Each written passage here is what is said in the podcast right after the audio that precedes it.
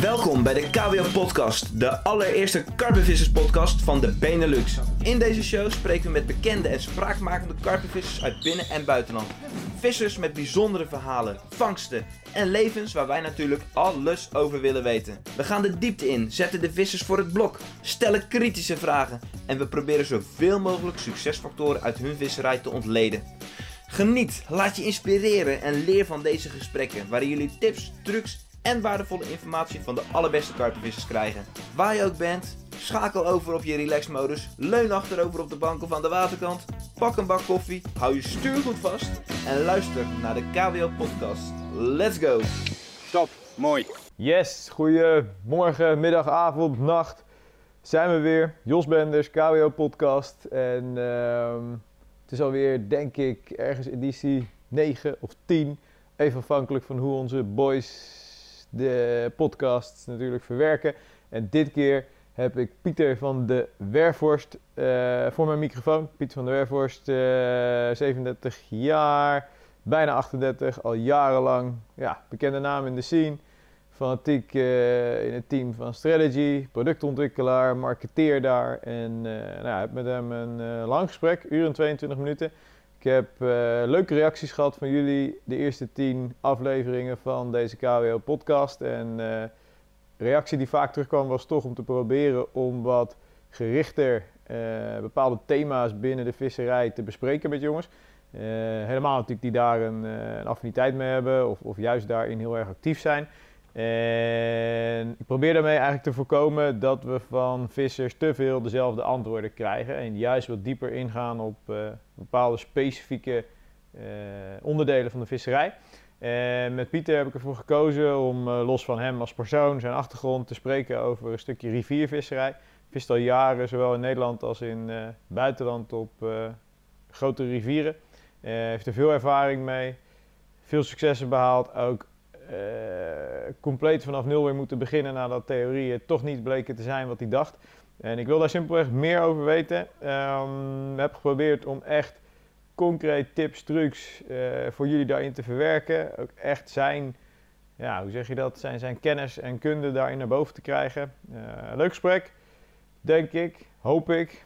Laat me weten wat jullie ervan vonden. Laat me weten als jullie nog bepaalde thema's hebben die je graag terug zou willen zien in een volgende podcast. En eh, nou ja, ga luisteren naar een interview met eh, Pieter van der Wervorst. Alright, we zitten hier met eh, Pieter van der Wervorst in Vianen. En eh, Pieter, welkom. Ik wil je gewoon eens even vragen, van, joh, introduceer eh, jezelf eens voor de KWO-luisteraars. Wie ben je, wat doe je, wat houdt je bezig? Ja, jongen, dankjewel. Hartstikke leuk dat je hier bent voor deze podcast. Ja, ik ben eh, Pieter van der Werfvorst, 37 jaar. Ik hik tegen de 38 aan, hoop volgende maand 38 te mogen worden. Ik woon in Elburg. En ehm, ja, wat, hang wat doe ik zoal? Nou, vooral eh, twee banen al jaren. Ik mag heel graag wat doen in de Engelsport voor eh, Strategy. En daarnaast eh, werk ik in speciaal onderwijs. Gaaf, speciaal onderwijs, help me even. Ehm, dus echt met kids met een beperking? Of Ja, hoe, hoe zeg je dat netjes? Het zijn kinderen die in het reguliere onderwijs uitvallen. En eh, dat kan soms zijn door beperkingen, dat kan soms zijn doordat er in het systeem thuis wat eh, niet helemaal lekker loopt, uit Ja. huisplaatsing. Ja. Kinderen met een bijzondere hulpvraag. Oké, en eh, ja, hoe zeg je dat? Ik geloof dat je daar heel veel voldoening uit kan halen, maar het kan volgens mij ook best heftig zijn. Ik heb wat mensen in mijn onderwijsfamilie die ook wel daar ervaring mee hebben. Hoe is dat voor jou? Zit je er al lang in? Heb je ook, ook zelf voor de klas gestaan? ik, eh, ik ben begonnen gewoon echt als lesgever. Ik ben eigenlijk helemaal onderaan begonnen als onderwijsondersteuner, een Ja. soort klasassistent. Eh, want ik had het eh, probleem dat ik nooit zo goed wist wat ik wilde worden. En ja, om allerlei omwentelingen ben ik uiteindelijk in het speciaal onderwijs terechtgekomen. En ben ik helemaal onderaan de ladder begonnen en ben ik vanaf daar eigenlijk pas begonnen met studeren. Want ik was voor- ja, in mijn jeugd heb ik wat Ja. verschillende keuzes gemaakt. Ja. En heb ik niet helemaal de loopbaan gelopen zoals je die normaal misschien zou lopen. Maar je had ook geen Pabo-achtergrond of... Nee, ik ben daar eh, begonnen. Nou, ik kan het ook wel een beetje vertellen. Ik ben ehm, vanuit mijn middelbare onderwijs heb ik de stap gemaakt eh, om te gaan werken. Ik dacht, Ja. marechaussee, dat is het voor mij. Ik zag mezelf bij de ME zitten. En eh, moeilijke jongetjes in bedwang houden, want dat was ik zelf eigenlijk ook een beetje. Ja, En het kwam ook wel een beetje uit de keuze voort dat ik niet wist wat ik zou gaan doen. Ik had echt geen idee. Ik wilde in ieder geval niet naar school, want school Ja. vond ik verschrikkelijk. Eh, school mag blij zijn dat ik mijn examen heb mogen doen, maar school was ook niet zo blij met mij. Heb je het wel gehaald? eh? Uiteindelijk heb ik, Ja, ja. kijk. Ik heb, in, de, in die tijd was het VMBO TL, heb ik, heb ik afgerond. En ik had best wel wat vermogen, maar ik verrekte het gewoon. Ik was altijd weg, spijbelde. Ik zorgde dat ik eruit gestuurd werd. Ik was niet zo'n heel makkelijk ventje. Oké, het zou ik echt niet achter jou zoeken dat eh zo'n geschiedenis is. Maar... Ja, een beetje een boefje. Ja? Ja, ja, ja. ook en wat een deed je dan op het moment dat je niet op school was? Ja, was ik toch wel aan het vissen. Of Ja? ik was bezig met voorbereiden vissen. Of ik hing in de stad. Ik heb ook wel een tijd gehad dat je natuurlijk vrij veel in de stad bent. Dat dat een beetje je tweede huis wordt. Dus Ja. eh, een cafeetje bezoeken en een beetje lol trappen. Was ook een beetje een fase waarin je in een leeftijd zit dat je van allerlei dingen wil ontdekken natuurlijk. En uiteindelijk ook wel blij dat ik dat gedaan heb. Want ik geloof wel dat me dat eh, heden te dagen nog steeds heeft, ja, nog steeds helpt Ja. ehm, in het werk wat ik doe. Het heeft je ook wel gevormd, denk ik, op een bepaalde manier, toch? Ja, je kunt wat beter inschatten wat, eh, ik noem altijd de jongens bij ons. We hebben ook echt wel meiden, maar het zijn merendeels toch jongens. eh, dat je wat beter kunt inschatten, wat gaat er door ze heen, waarom doen ze af en toe domme dingen, Ja. gekke dingen. Ja, dat hoort er een beetje bij. En ik was wel een beidehand ventje. En natuurlijk dat beide handen, dat verleer je nooit. Alleen je leert wat beter eerst na te denken en dan En te doen. eh, te roepen. Nou ja, zo kwam ik dus terecht op het Sprenger College. En dat is dan de school in Wapenveld waar ik nog steeds werk. En daar werk ik denk ik al wel 14 jaar. En daar begon ik als heel jong broekie. Ja. Want ik, eh, nou, ik denk dat ik een jaar of eh, 20, eh, nee 22 was. En ik zat in een opleiding, eh, SPW. Nou, en dat was hilarisch, want ik kwam dus uit de stoere mannenwereld waar we soldaatje aan het spelen Ja. waren. Eh, tussentijds nog wat straatwerk gedaan en weg- en waterbouw, want ik Ja, had ja. even geen andere baan. Eh, toen kwam ik daar dan terecht en toen moest ik daar dus heen vanuit mijn, mijn stageopdracht. Ik moest ergens naartoe om stage te lopen. Want dat was sociaal-pedagogisch werk, toch? ja, ja. En dan moet je je dus voorstellen als stoere vent, hula hoepend. Ja. In die klas dacht ik, wat heb ik in vredesnaam gedaan? Eh, maar uiteindelijk, toen ik die stageplek kreeg, dacht ik van ja, dit is wel een, een- ja, je hebt het wel eens over een roeping. Nou, dat was wel een roeping. Ik vond het zo gaaf met die, eh, toen de tijd waren het nog jeugdcrimineeltjes. Ja. Dus die kwamen vanuit de gesloten jeugdzorg bij ons, zelfs een jeugdgevangenis. Ja, en ik vond het gaaf. Jij was toen jaar of twintig? Ja, ja, 20? ja. Oké. Ja. Ja, en dat was eigenlijk best bizar. Ik had een soort natuurlijk overwicht met die gasten, maar ik denk Ja. ook wel dat ik lekker met ze bezig was. Ik mocht de opleiding ondersteunen infratechniek. Dat was een mix van hovenierswerk, straatwerk, omdat Ja. ik dat wel eens even had gedaan een tijdje. Daar kon ik wel wat in. Maar ja, ik kon met die gasten lol maken, een beetje ouwe hoeren en maar ook een luisterend oor. Ook even kunnen zeggen stop. En als het bij mij stop is, dan was het ook wel stop. Ja, en drie maanden in mijn stage kreeg ik een baan aangeboden, omdat mijn eh, stagebegeleider die kreeg een burn-out. Dus in- toen hadden ze het nog alleen over overspannen. Maar goed, je weet wat ik bedoel. Ja. En toen zei die directeur van die school, eh, ja maar Pieter wil je niet bij ons komen werken? Toen dacht ik, oh, dit is wel heel apart. Maar je zat nog in je opleiding destijds. Ja, ja, Ja. En, maar ik had geen werk. Want door eh, de, bij de marechaussee ben ik uitgeraakt omdat ik eh, een ongelukje daar heb gehad. Mhm. Ik heb een munitiekist op mijn voet gehad tijdens een oefening en Ja. ik mocht niet verder voor de ME. Dus dat was een hele zware teleurstelling in die tijd. Ehm, en dat heeft eigenlijk de keuze gedwongen te maken iets anders te gaan zoeken. En daar is natuurlijk wel tijd overheen gegaan. Want Mhm. ik heb ook wel een tijdje daarvoor thuis gezeten, dat mijn voet moest eh, helen. Ik heb veel in Ja. het ziekenhuis gelegen, speciale theorieën en, of eh, therapieën om die voeten eh, ja, weer goed te krijgen. Want de weken delen waren kapot in mijn linkervoet. Oké. Uiteindelijk is het helemaal goed gekomen. Ik heb Ja. wel lang last gehad en een speciale steunzool moeten dragen, zo, maar nu eigenlijk geen hinder meer van. Maar ja, het was toen wel afkeuren voor het leger. Ja. En toen kwam de vraag, eh, laat je je afkeuren voor de arbeidsmarkt of eh, kies je ervoor om nou, om te scholen? Nou, er gaan allerlei beroepen door je heen. Eh, vertegenwoordiger, Dus je bent echt vanaf scratch af aan moest je toen ja, ja, ik moest echt opnieuw kiezen Ja. en ik moest kiezen. Misschien is dat wel mijn redding geweest. Ik moest wat doen. En ik kwam in aanraking met iemand die zat in het jeugdwerk en die zei: Pieter, daar ben jij de kerel voor. En mijn eerste antwoord was: Ja, maar gek, ik ga niet met sandalen lopen en uh, geitenwolle sokken. Ja, dat was mijn beeld van zorg. Gewoon het stereo type Ja. idee wat je had van oké. Ja. 100% stereotypering. Ja, en toen ik er was, wou ik eigenlijk niet meer weg. Ja. En ja, toen ben ik jaren dat blijven doen, maar wel mijn opleiding afgerond. Toen heb ik uiteindelijk mijn eh, docentenbevoegdheid, mijn leraaropleiding heb ik afgerond. Nog Ja. een specialisatie voor het speciaal onderwijs gevolgd. Dus dat ik ook echt, eh, ja, dat noemen ze omgangskunde, wat meer coaching eh, kan toevoegen op mensen. En eh, ja, dan ontwikkel je in zo'n school. Nou. En dan heb ik in die school allerlei verschillende banen vervuld. Van onderwijs ondersteunen naar docent een jaar of vijf. Toen werd ik gevraagd om wat meer leerlingbegeleiding te doen, dus dat noemen ze zorgcoördinatie. Mhm.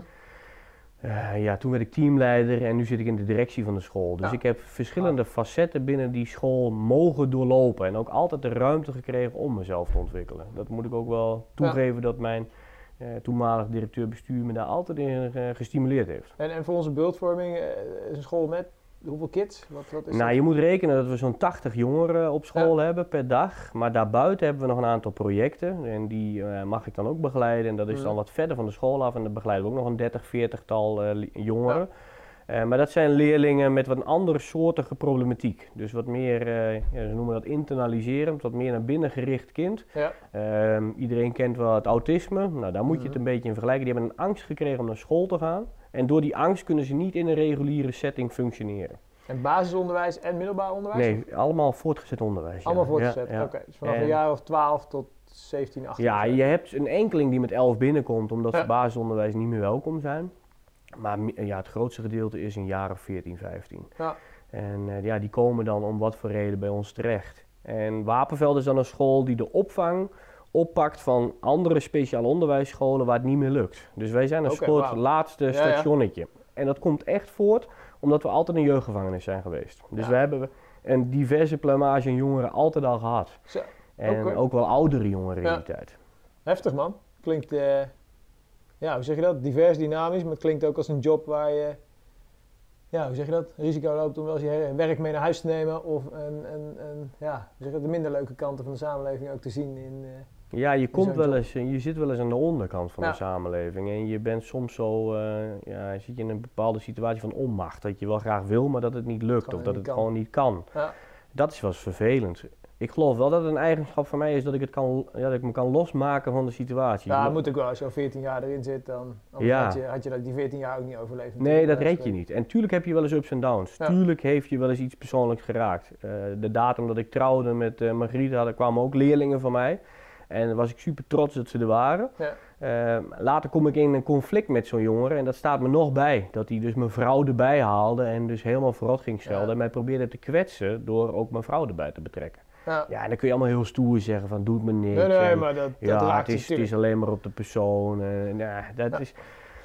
Nee, dat raakt je, dat raakt je. En daar word ik nu gelukkig steeds makkelijker in. Want nu denk ik, ja jongen, dat is, jij doet het uit onvermogen. Ja, maar dat moet je leren. Ja, tuurlijk. Daar heb je wat ervaring en tijd voor nodig om dat te plaatsen. Dat snap ik.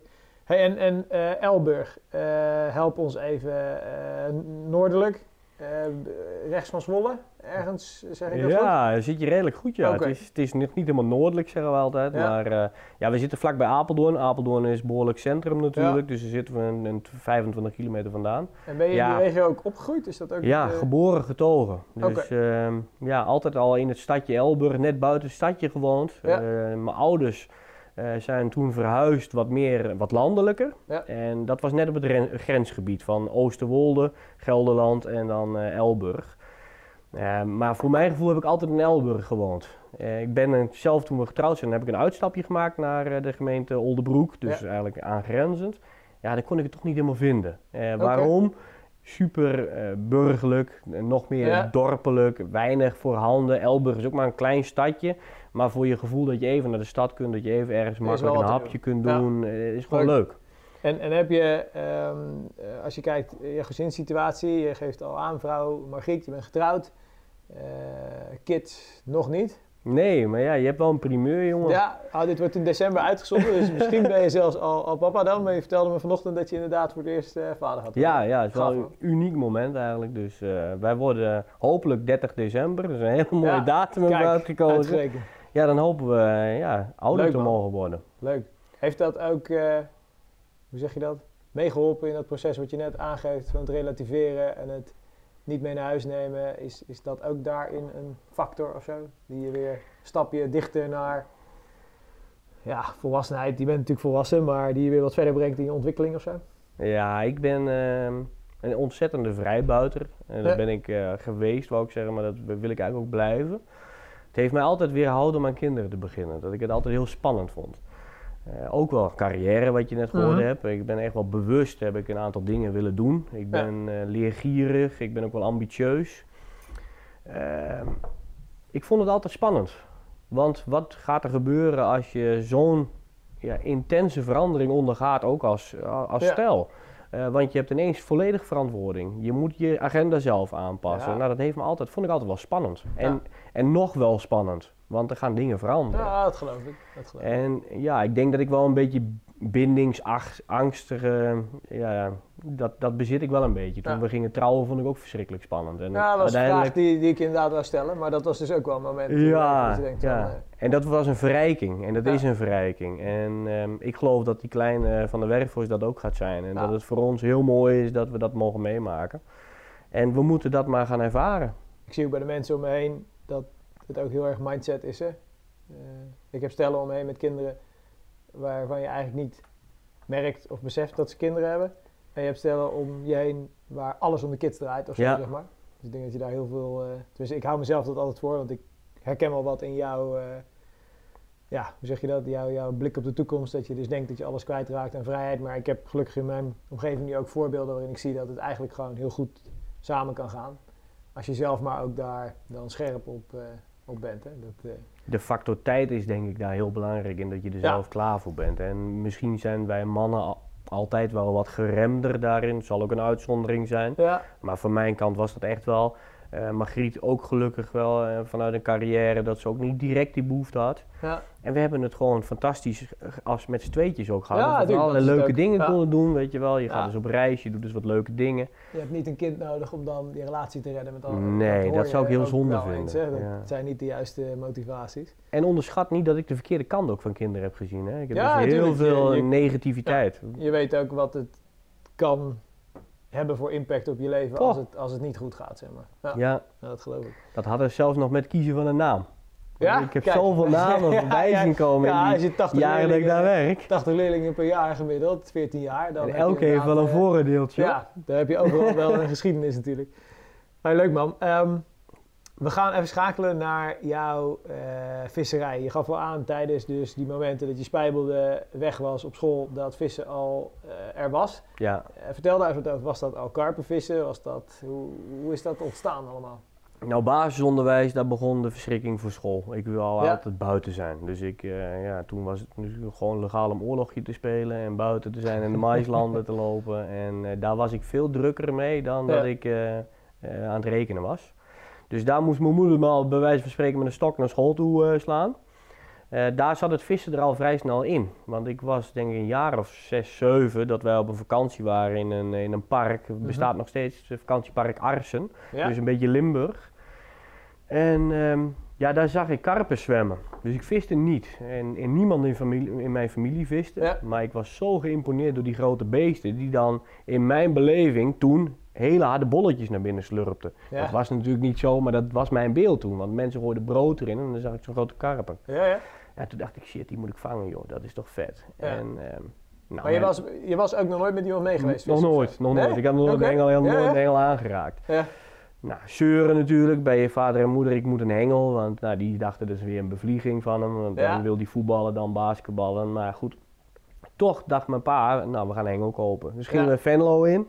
En dan kreeg ik mijn vaste stokkie. Dat is een, eh, een hengeltje van 4 meter met een tuigje. En eh, ja, geen idee dat ik daar die karpers natuurlijk niet mee, mee, niet mee kon vangen. Maar ik ving wel een paar vorens. Ja.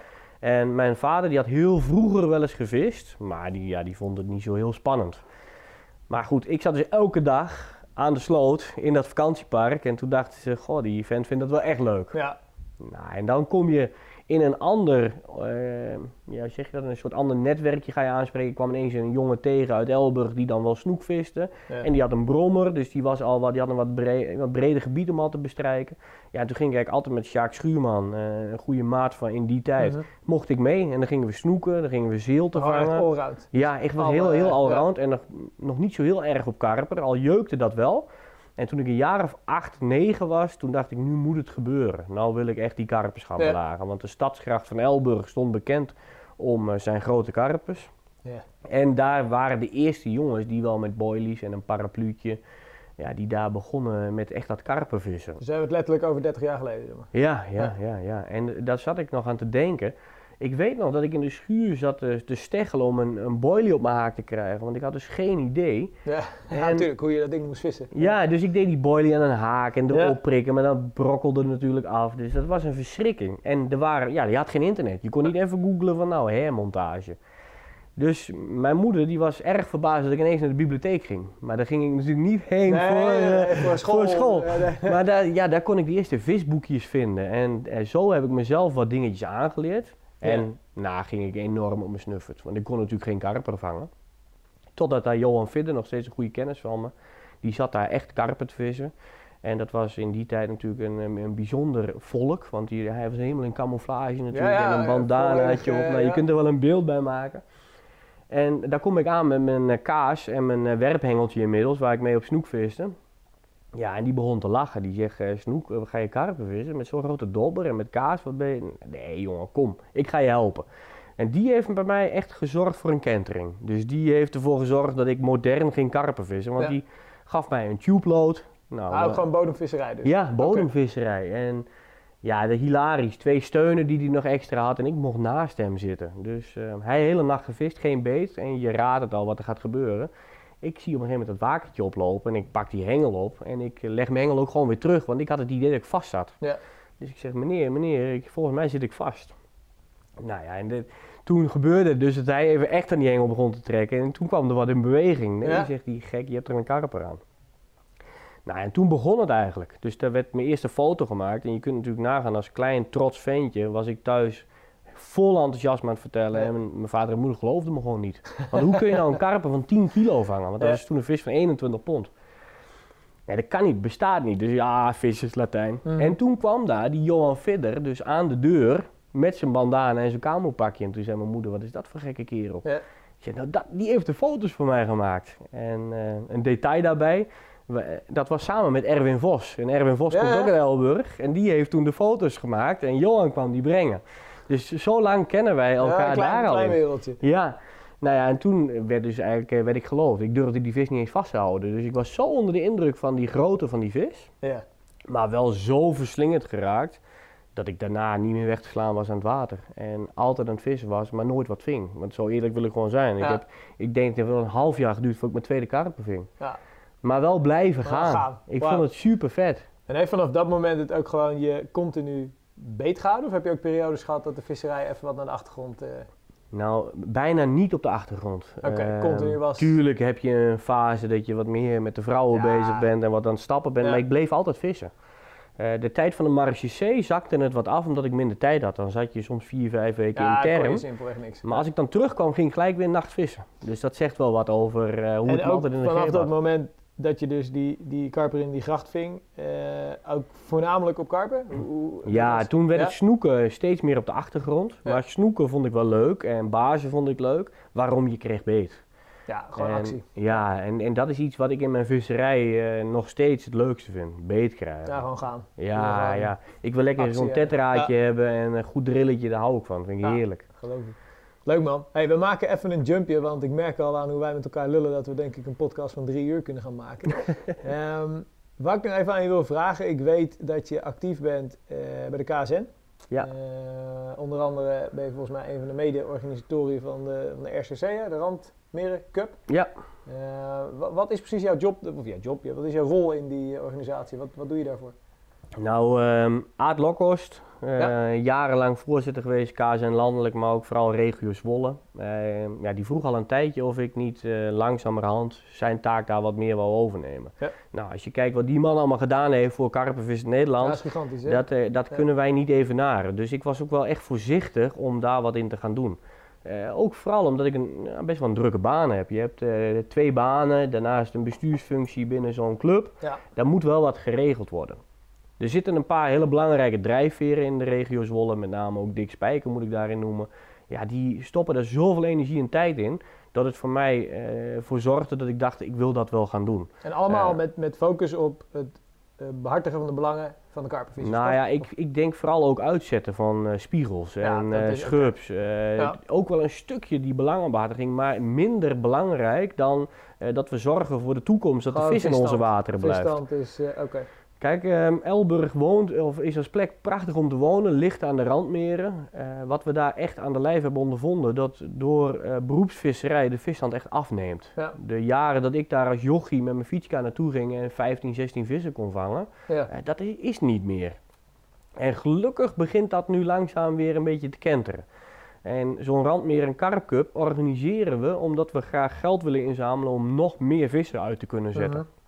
En ik geloof ook dat het een fantastisch evenement is op zo'n groot water, omdat iedereen dat wel een keer leuk vindt om daar aan mee te doen. Ja. Dan wordt een geldbedrag wat betaald moet worden ineens een stuk aangenamer, omdat we weten, nou het gaat niet in de zak van een eh, Nee, nee, commercieel uitbater. Het is- het is Nee, we gewoon- gaan de spiegels verkopen. Ja. Ja, en dat heeft me nooit zo eh bezig gehouden. Daar ben ik ook heel, best wel eerlijk in. Het ik hield het een beetje af, want ik was eerder zelfs heel bang om vissen terug te sturen naar de KSN, omdat ik dacht, nou dan gaan ze op mijn ijsselplekje Ja. zitten. Alleen er komt een moment daarin ook dat je leert relativeren van jongens, als we zo doorgaan, dan Ja. houdt het op. Ja. En, en zo'n poepenkolk, dat is dan de visvereniging in Elburg, daar hebben we nu ook het voor elkaar gekregen om prachtige valkenswaardspiegels uit te zetten.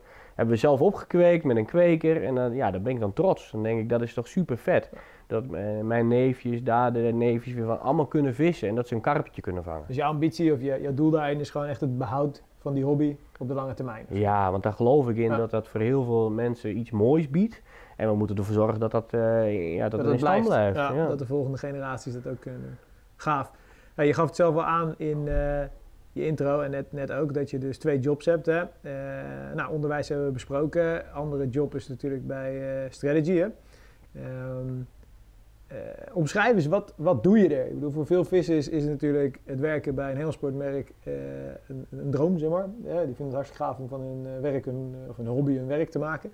Ehm, wat, wat spook jij eruit? Wat doe je bij, eh, bij die club?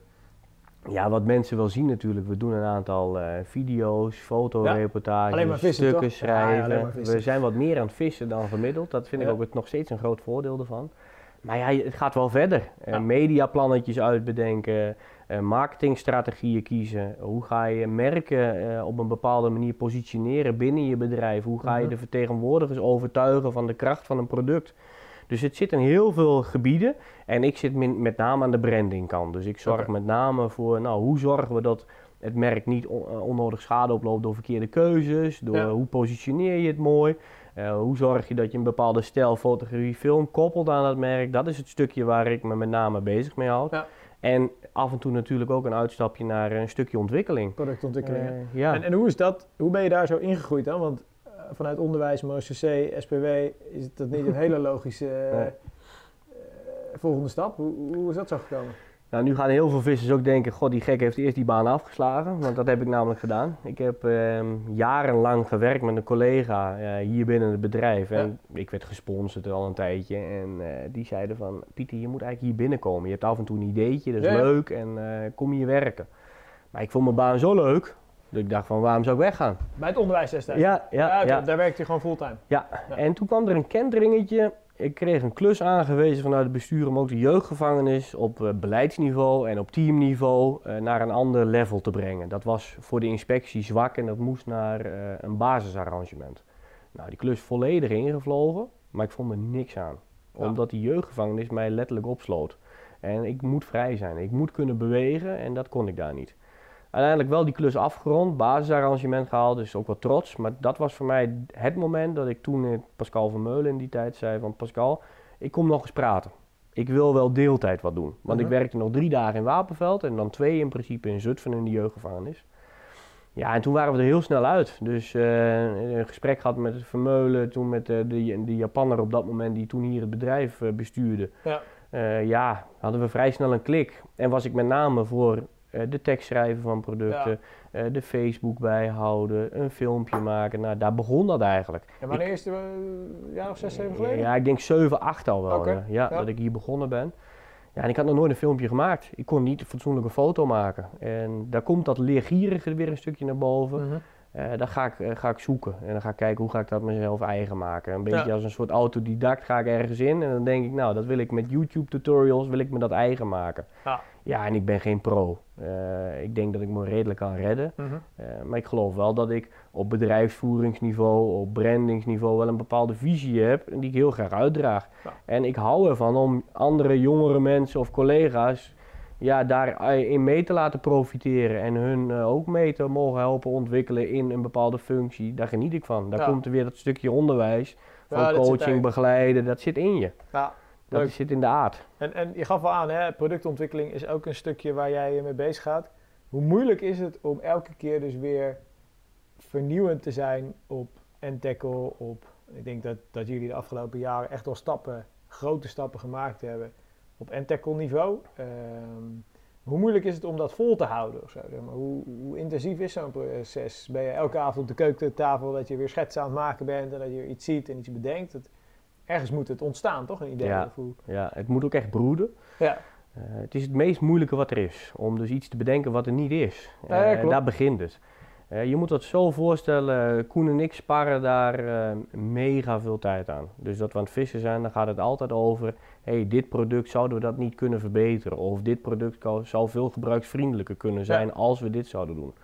Daar begint het. En dan moet je het zo voorstellen dat 20 van die ideeën, daar gaan er misschien drie van die mee mogen doen van... eh, nou, Ja, daar gaan we serieus ergens, wat ja. mee doen.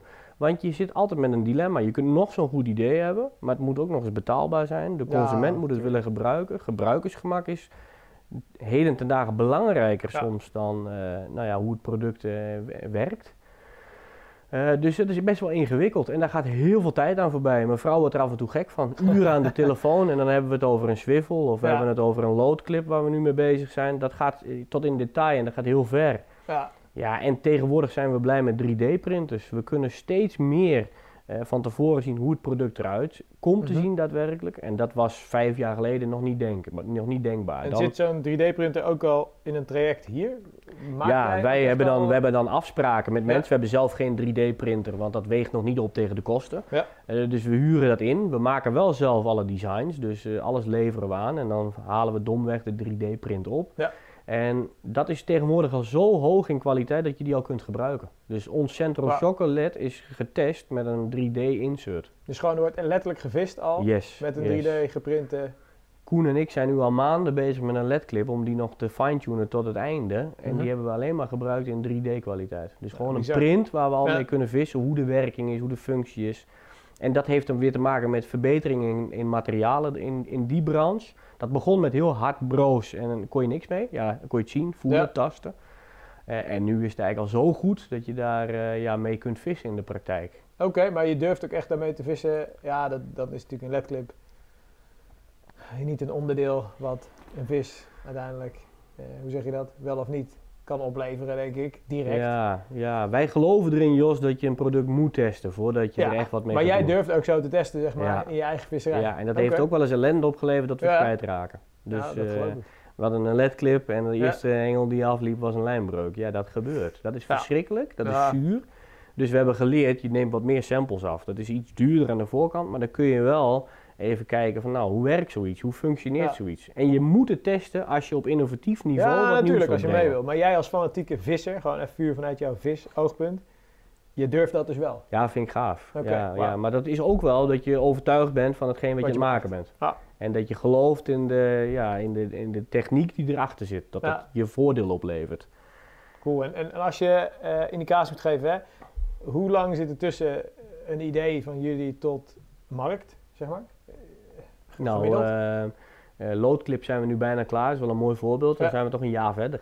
Ja, echt een jaar ontwikkeling, testen. Ja, ja. en Voordat eh, met CES hebben we veel langer over gedaan. En dat was wel grappig. Koen en ik waren allebei ehm, eh, voor een ander bedrijf in de tijd bezig met een loodsysteem wat Ja. vanuit het centrum maakte. En doordat we toen bij elkaar kwamen, wat we eigenlijk altijd ambieerden, Mhm. is, zijn we tot het CS gekomen. Dat, maar dat heeft dus al eh, jaren in ontwikkeling. Daar heb ik zelfs andere samples van gehad, waar Ja. het nog niet was.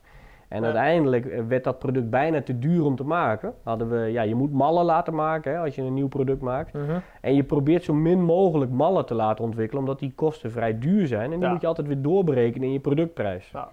Dus we zaten bij het eerste CS-lood zaten we op drie mallen. Nou, dat is eigenlijk niet te betalen. Dan wordt dat lood zo duur dat je het uit de markt zet. Mhm. En eh, nou, toen kwamen we bij elkaar en zijn we uiteindelijk gekomen tot maar twee mallen. En dat is dan de winst dat je het product, product, zeg maar. toch kunt brengen. Omdat we geloofden in de werking, in de, ja, hoe het eruit ziet, hoe het voor de gebruiker zal zijn. Ja, en dat heb je soms dat het nog langer duurt. Maar doorgaans moet je wel een jaar bijna rekenen. En, en wat is nou, als je kijkt naar de afgelopen jaren, het product waar jullie stempel op staat, waar je het meest trots op bent? Nou, ik denk toch wel Central Shocker systeem. Ja. Ehm, dat is iets wat zo uniek is en wat goed werkt. Eh, maar daarnaast wil ik ook wel ons eh, traditionele inline load. Want dat zijn we denk ik de eerste in geweest die dachten laten we één insert integreren die Mhm. altijd met dezelfde druk vrijkomt. Ja, dat zijn eh, technische toepassingen die heel klein lijken, maar heel groot in verschil zijn ten opzichte van dat je dat zelf moet gaan bouwen of dat de Ja. werking anders is. Daar ben ik trots op. Ehm, maar zo zijn er meer dingen Ja. waar ik wel trots op ben. Die Omdat zo'n stom rubbertje over een knoop, zo'n not protector sleeve, Ja. ja. dat denk je super simpel. Maar wat is het lekker als die lijn niet meer blijft haken met Ja. uitvaren. Dat soort dingen, ja, dat, dat is gaaf als dat lukt. Cool. Leuk. We houden jullie in de gaten. We zitten natuurlijk dicht op het vuur. We gaan eh, naar je visserij over. eh, Pieter, er zijn natuurlijk een hoop luisteraars die eh, eerste stuk van de podcast interessant vinden. Ik vind het ook wel belangrijk om even achtergrond te schetsen. Maar uiteindelijk draait het natuurlijk om die, om die visserij. Eh, ik heb twee thema's uitgekozen waar ik over met je wil praten. Eén is eh, een stukje riviervisserij en het tweede is, eh, is de Italiaanse visserij. Laten we beginnen met riviervisserij. Ik heb ehm, een aantal weken geleden een post van je voorbij zien komen waarop je aangaf, nou, ik zit weer eh, op de rivier, ruig, lekker, volgens mij ving je ook goed. Kan je ons uitleggen wat jou trekt aan de rivier? Ja, eh, wat trekt mij? Eh, onbegaande paden. Dus Ja. het is ruw, het is wild, het is eh, soms weer bastig. Je bent heel erg afhankelijk van de situatie. En dat vind ik juist wel gaaf. Dat je dus moet anticiperen op het moment dat je er bent. En dat trekt mij met name heel erg in riviervissen. En ook wel de onbekendheid. Ja. Dat onbekende maakt bij mij echt onbemind. Dat ik denk, ik wil gewoon zo'n water kraken. En wil ik wil weten. ook hebben. Ja, Ja. dat vind ik super vet. En helaas wordt dat steeds moeilijker. Want heel veel rivieren en ook stukken waar ik vis, Zijn al in kaart gebracht. weten we echt wel Ja. de top een beetje. Ja. Maar dan komt er weer in één keer een vis uit, waarvan ik weet dat die vis eh, vier, vijf jaar geleden is gevangen, eh 4 tot 6 kilo lichter. Ja. Ja, dat vind ik zo stoer, dat ik denk, goh, wat, wat evolueert zo'n vis? Wat vet dat ik die nu mag vangen in zo'n situatie. En het is gewoon dat ik altijd moet denken. Ja. En dat is wel in mijn visserij belangrijk. Ik moet bewegen, ik moet nadenken, want anders vind ik het saai. Ja, het triggert je om elke keer weer creatief over die visserij na te denken. zo. Ja, en, maar ook je logistieke plan. Hoe ga Ja. ik het aanpakken? Je moet een heel plan maken. En het gebeurt bijna nooit dat je plan uitpakt zoals je thuis hebt bedacht. Ja. Ja, en dat is misschien een beetje een rare kronkel, maar dat vind ik heel Ja, gaaf. dat, dat, dat gebeurt natuurlijk veel, dat je echt moet improviseren op het moment dat je er bent. Ja, als een voorbeeld, we zitten op een rivier, daar kan het soms zo hard stromen dat ik met 400, 500 gram niet kan vissen op 10 meter uit de kant. Ja. Eh, en dat was ik nu in het najaar en dan stroomt het bijna niet vis ik met 80 gram in het midden van de rivier. Ja, zo- dat geeft een, zo een, een- die omstandigheden Ja. die zo eh, worden aangepast. En, en is er dan voor jou is er alleen een buitenlandse riviervisserij jouw visserij of is er ook een Nederlandse riviervisserij? Ja, beide. Ja. Ehm, moet ik wel zeggen, ik ben wel een beetje een buitenlandvisser geworden. Mhm. Ehm, wat leuk is eh, om te vertellen, ik heb eh, dit jaar een bootje gekocht. En dat heb ik gedaan om weer te kunnen vissen. Ook op plekken in Nederland waar een ander niet aan de kant kan zitten. Ja. Kwam ik toch ook weer uit op een stuk rivier. In verbinding met het grote water. Ja. Ja, en daar heb ik toch wel best wel weer wat veel nachten gevist voor mijn doen in Nederland. Want dat was best wel een beetje op de achtergrond geraakt. Ja. Doordat ik heel veel lange weekenden naar Frankrijk ging. En dan wil je ook eens gewoon thuis zijn. Ja. Want zo, zo werkt dat Ja, natuurlijk. logisch. Maar je kunt wel gemiddeld nemen dat ik dit afgelopen jaar heb ik veel ook in Nederland gevist. En dan Ja. toch ook wel weer in een rivierachtige omgeving. Ja, En ook weer door het onbekende, het avontuur. Enorm op mijn snuffert weer gegaan. Dat ik echt moet zoeken waar hangt die vis en vredesnaam uit. Een Ja. paar keer enorm misgezeten. Maar dat vind ik gaaf. Omdat ik nu al weet, volgend jaar maart zit ik daar. Volgend jaar juni moet ik daar ongeveer zijn. Ja. En dan dus je bent wel aan het plannen al. nou ben ik alweer Ja. bezig. Dan ben ik altijd weer aan het vooruitkijken. Geloof ik. Hè? En die, die aanpak, hè? je geeft het net al even aan, maar eh, ik denk dat heel veel vissers, waaronder ik zelf ook, eh, je staat naar zo'n rivier te kijken. Heel bruut, heel strak, onbemind, je weet niet wat er zwemt, maar waar begin je? Ik bedoel, als jij een stek zoekt, waar let je op? Wat zijn voor jou eh, indicatoren van, joh, hier kan ik vis verwachten? Hoe, hoe Ja. doe je dat? Ja, het is, het is, het lijkt heel moeilijk en so- Mhm. soms is het ook moeilijk. Ehm, maar wat ik voor mezelf heel vaak eh, doe, is toch zo snel mogelijk zo'n rivier in, in kaart proberen te krijgen. Waar Ja. heb ik mooie bochten? Waar heb ik mooie buitenbochten? Waar heb ik bruggen? Waar hebben we barrages? Dus waar water instroomt of waar het water Ja. juist keert. Dat zijn voor mij al direct van die eikpunten waar ik eh, ja, de verdieping wil ingaan. Dus ik ga zo'n bocht ga ik uitpeilen. Hoe daar zo'n verwacht je vis. Ja, ik verwacht daar eh, vaak heel logisch beredeneren. Zo'n Ja. buitenbocht is dieper. Wordt uitges, ja, uitgekalfd als het ware door de stroming. Mhm. Dan weet ik ook dat er een heel mooi plateau of bovenkant taluut is, eh, Ja. die vaak snoeihard is door de stroming. Ja, dan weet ik dat die vissen eh, ook op zo'n rivier een, een navigatiepunt willen aanhouden. Dus die zwemmen vaak langs zo'n trekken. taluutrand, die zwemmen vaak over zo'n plateau heen. Ja, en dan weet ik, nou daar kan ik het beter zoeken. Eh, bruggen zijn altijd interessant. Ja. Eh, barrages zijn altijd interessant. En heel veel mensen zie ik eh, vaak huiveren. Goh, er komt zoveel water in. En eh, nee, juist is dat super interessant. Ja, zuurstofrijk voedsel. Zuurstof, Ja. voedsel, maar ook als een vis zich niet zo comfy voelt, weet ik dat hij altijd meer zuurstofrijk water gaat opzoeken. Mhm. Dus er zijn altijd plekken als het warm is of je hebt doodweer, eh, hoge luchtdruk, dat ik zeker weet, hé, laat ik eens maar eens bij zo'n barrage gaan proberen, want dan kan ik misschien wel een vis vangen. Ja. En altijd meerdere stekken maken, Jos. En ben je dan een visser die ook letterlijk eerst boot op gaat, uitpeilen, in kaart brengen? Of durf je ook wel eh, met een simpel loodje je bodem af te tasten en, en, en ga je echt testvissen heel vlot? Of hoe, hoe ziet Ja. aanpak eruit? Ehm, wat ik vaak doe is een paar priksessies. Dus Ja. ik probeer in die priksessies eh, veel informatie te vergaren. En dat doe ik ook heel vaak door te gooien. Door Ja. gewoon domweg te werpen. Oh, hier ligt ongeveer een teluutrand. Eh, maar ik kan het bijna niet laten om de boot niet in te gaan. Mhm. Dus eh, ik probeer het vaak zo te organiseren dat ik met een boot buiten boordmotor en in ieder geval een goede dieptemeter, want dat vind ik echt super belangrijk, Ja. te zoeken naar die hotspots. Of mijn gedachte klopt. Maar die, vis, dus die riviervisserij voor jou is eigenlijk altijd ook full package. Dus Ja, complete uitrusting. Ja. Eh, buitenboordmotor hoor ik al, fatsoenlijke Zodiac, alles erop en eraan. Dat je gewoon echt nodig. Dat vind ik echt nodig. Ehm, dat maakt mij ook mobiel, want het lijkt heel zwaar bepakt. Maar ik kan in mijn grote Zodiac kan ik alle spullen kwakken en ik vaar naar een andere stek toe. Mhm. En je moet het zo zien, ik probeer zoveel mogelijk stekken in korte tijd af te werken. Ja. En dan moet je echt denken aan dagstekken, nachtstekken. En ik zal niet snel twee nachten achter elkaar op één stek gaan om in korte tijd Ja. een stuwstuk uit te kammen. Nou, zodat je weet wat je waar kan verwachten. Ja, en ongeveer een trek probeert te achterhalen van hoe zwemt die vis nou Ja. eigenlijk? Waar komen ze weg? Waarom blijven ze in dat gedeelte langer hangen? Want daar kan ik mijn volgende trip weer een beetje op afstemmen. Ja. En helaas komt het niet altijd uit. nee, nee, maar, je kunt wel wat- in, dat, ja. dat begrijp ik. En heb je dan als je, dus je, je hopt veel, hè, je, je vist natuurlijk veel stukken af. Ehm, heb je een beetje een regel voor jezelf van oké, hoe lang geef je dan zo'n stek de tijd om te bepalen van hé, hey, die vis zit hier of niet? Is dat een kwestie van eh, een, een, vier tot vijf uur eh, je aas durven te laten liggen? Of, of wil jij echt binnen het uur een aanbeet hebben op zo'n stuk en je weer, zeg maar? Ja, is een beetje afhankelijk van de periode. Ja. In het voorjaar wil ik vrij snel beet kunnen krijgen, omdat ik weet dat die vis dan heel veel onder move is. Die zit heel veel te zwemmen en Ja. die blijft moeilijk vast liggen op voer. Dus dan moet ik vrij snel beet krijgen. En dan heb ik wel gehad op hetzelfde stuk waar ik nu vis, dat ik drie stekken op een dag beviste. Ja. En dan heb ik het echt over drie, vier uurtjes. Dan Max. moet die afknallen, want dan Ja. weet ik, die vis moet hier nu zitten. Ja. En als die hier niet zit, zit ik verkeerd. Dus dan moet ik andere stukken gaan af, eh, afzoeken. En, en geloof je dat zo'n riviervis eh, continu in een soort aasmodus te krijgen is? Of heb je ook wel dat je dus die aastijden heel erg... dat je het idee hebt dat die vis wel in die sector hangt, maar dat je ze niet aan aasen krijgt? Of hoe? Afgelopen sessie was daar een fantastisch voorbeeld van. Ja. Eh, ik ging weg met het idee, dit wordt een ramp. Een luchtdruk van bijna 1040, dus dat Ja. is extreem hoog. Eh, harde noordenwind, hard licht, veel zon. Dus geen ideale omstandigheden. Mhm. En stekken waar ik normaal vis ving, kreeg ik geen aanbeet. En dan Ja. zo'n stomme barrage levert me ineens weer heel veel vis op. Omdat ik weet dat die vis daar is. En dan Ja. denk ik dat de groepering zo groot is, dat je een aanbeet kunt forceren. En dat het misschien niet helemaal loco gaat, maar je kunt dan nog steeds vissen vangen. En op al die andere stekken waar ik normaal goed vis zou vangen, kreeg ik nog een aanbeet. Sterker nog, de rechter hengels richting barrage leveren vis op en de linkers die misschien 50, 60 meter ervan af liggen, nee. niet een aanbeet.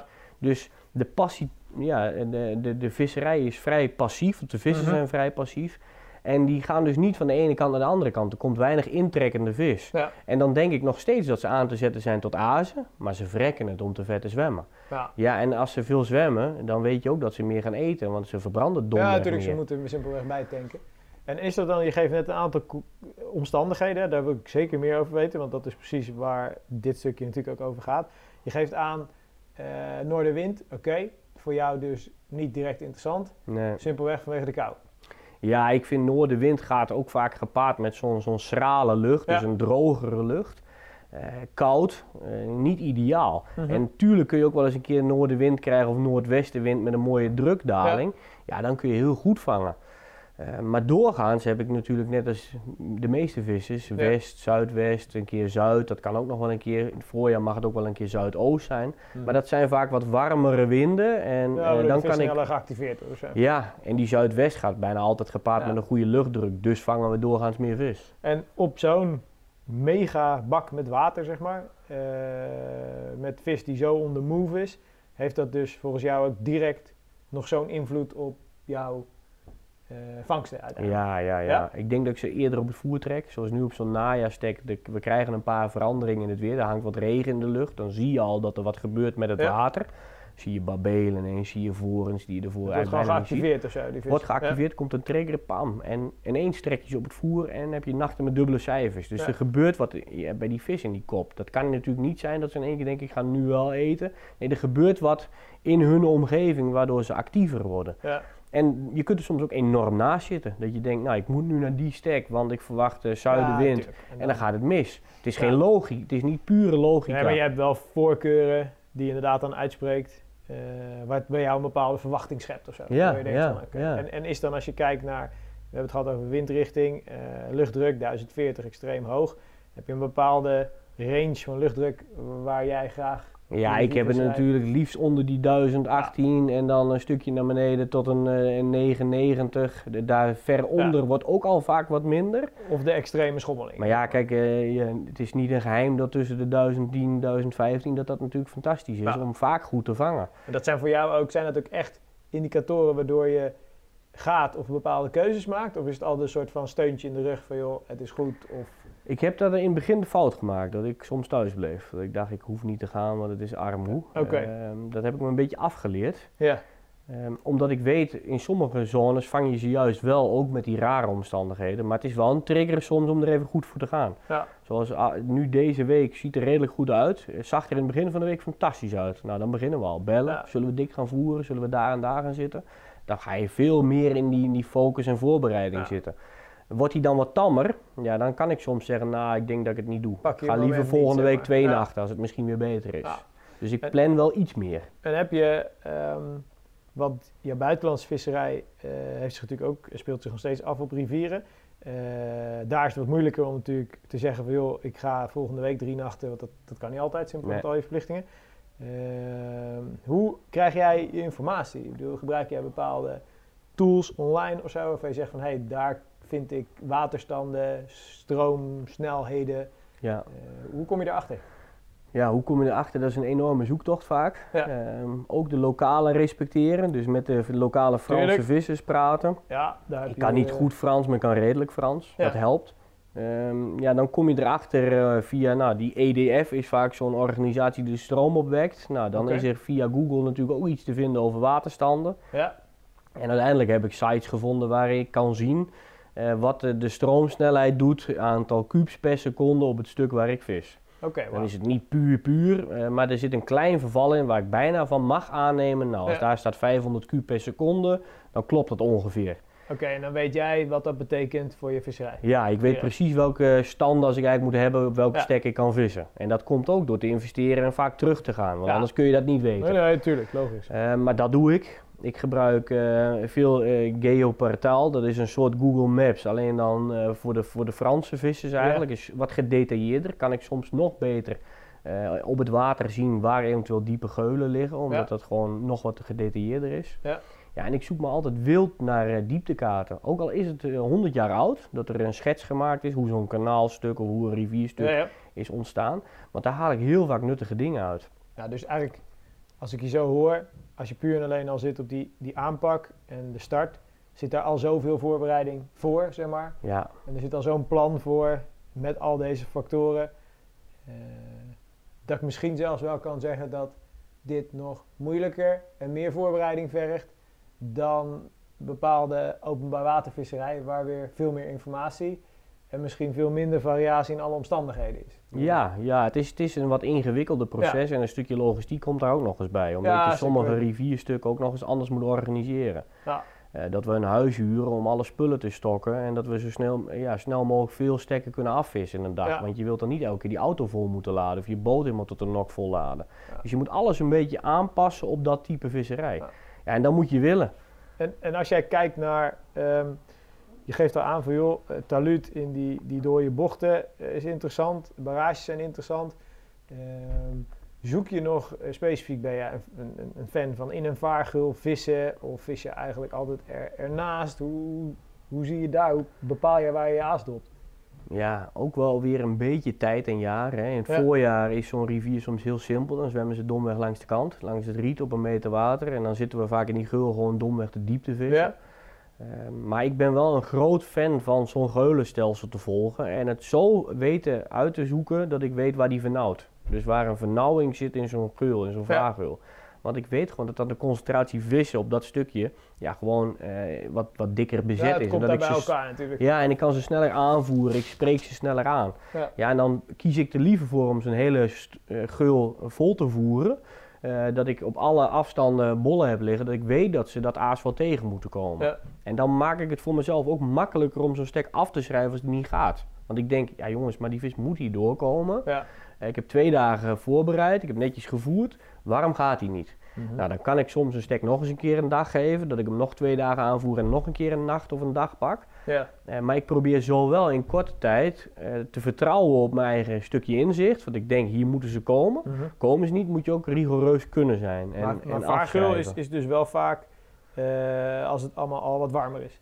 Ja, in het najaar, zoals nu, zal Ja. ik veel pijlen op dieper water zetten. En Ja. dan vis ik echt kort in die randen. Maar ik zal er altijd nog een engeltje bovenop leggen. Dus ik Ja, pak een engeltje op tuurlijk, 5 ja. meter, maar ik pak ook een engeltje op 2 bovenop. Ja. Maar geulen zijn doorgaans in rivieren interessant. En vergeet nooit de stenen kanten. Zoals de IJssel heeft een, een stenen oever veelal. Mhm. En met bazaltkeien vis ik er bijna altijd eentje op 1,40, 1,60, kort in de Gewoon onder de stenen. eigen kant, zeg maar. Ja, want daar willen de kreeften komen, Ja. daar komt allerlei voedsel blijft erachter door de zuiging van de schepen, daar zitten driehoeksmosselen. Ja, daar Ja. mag ik heel graag een hengel neerzetten. Ja. En die loopt heel vaak af. Eh, omdat dan domweg die vis gewoon de stenen volgt en denkt, daar heb ik nu eten. En die komt niet of die zwemt hoger in het water Mhm. over die geul heen. Ja, dan mis je ze. Ja, natuurlijk. Dus je ik spreid echt die kansen. Ja, duidelijk. Hey, en je haalt al even kort aan, scheepvaart. Eh, wat is jouw ervaring met scheepvaart op jouw vangsten, op het aas van vissen? Heeft die vis daar een boodschap aan? Of? Nee, ik heb te veel vissen gevangen dat er een boot overheen gaat. Ja. Ik geloof wel dat eh, boten ook vissen kunnen activeren. Dus je gaat de bodem omwoelen, wat letterlijk gebeurt, zeker op een wat ondiepere rivier. Ja. Wat ik wel ook in geloof is dat je mo- moet blijven voeren als er eh, een schip overheen is gegaan. Ja, want die zuiging die verspreidt gewoon. Ja, en ik denk dat heel veel bollen verdwijnen onder de sliplaag, waar wij van denken dat die er niet is, maar het Ja. zand verstuift als het ware. Dat eh, gebeurt overal, ook al is de bodem nog zo Ja. hard.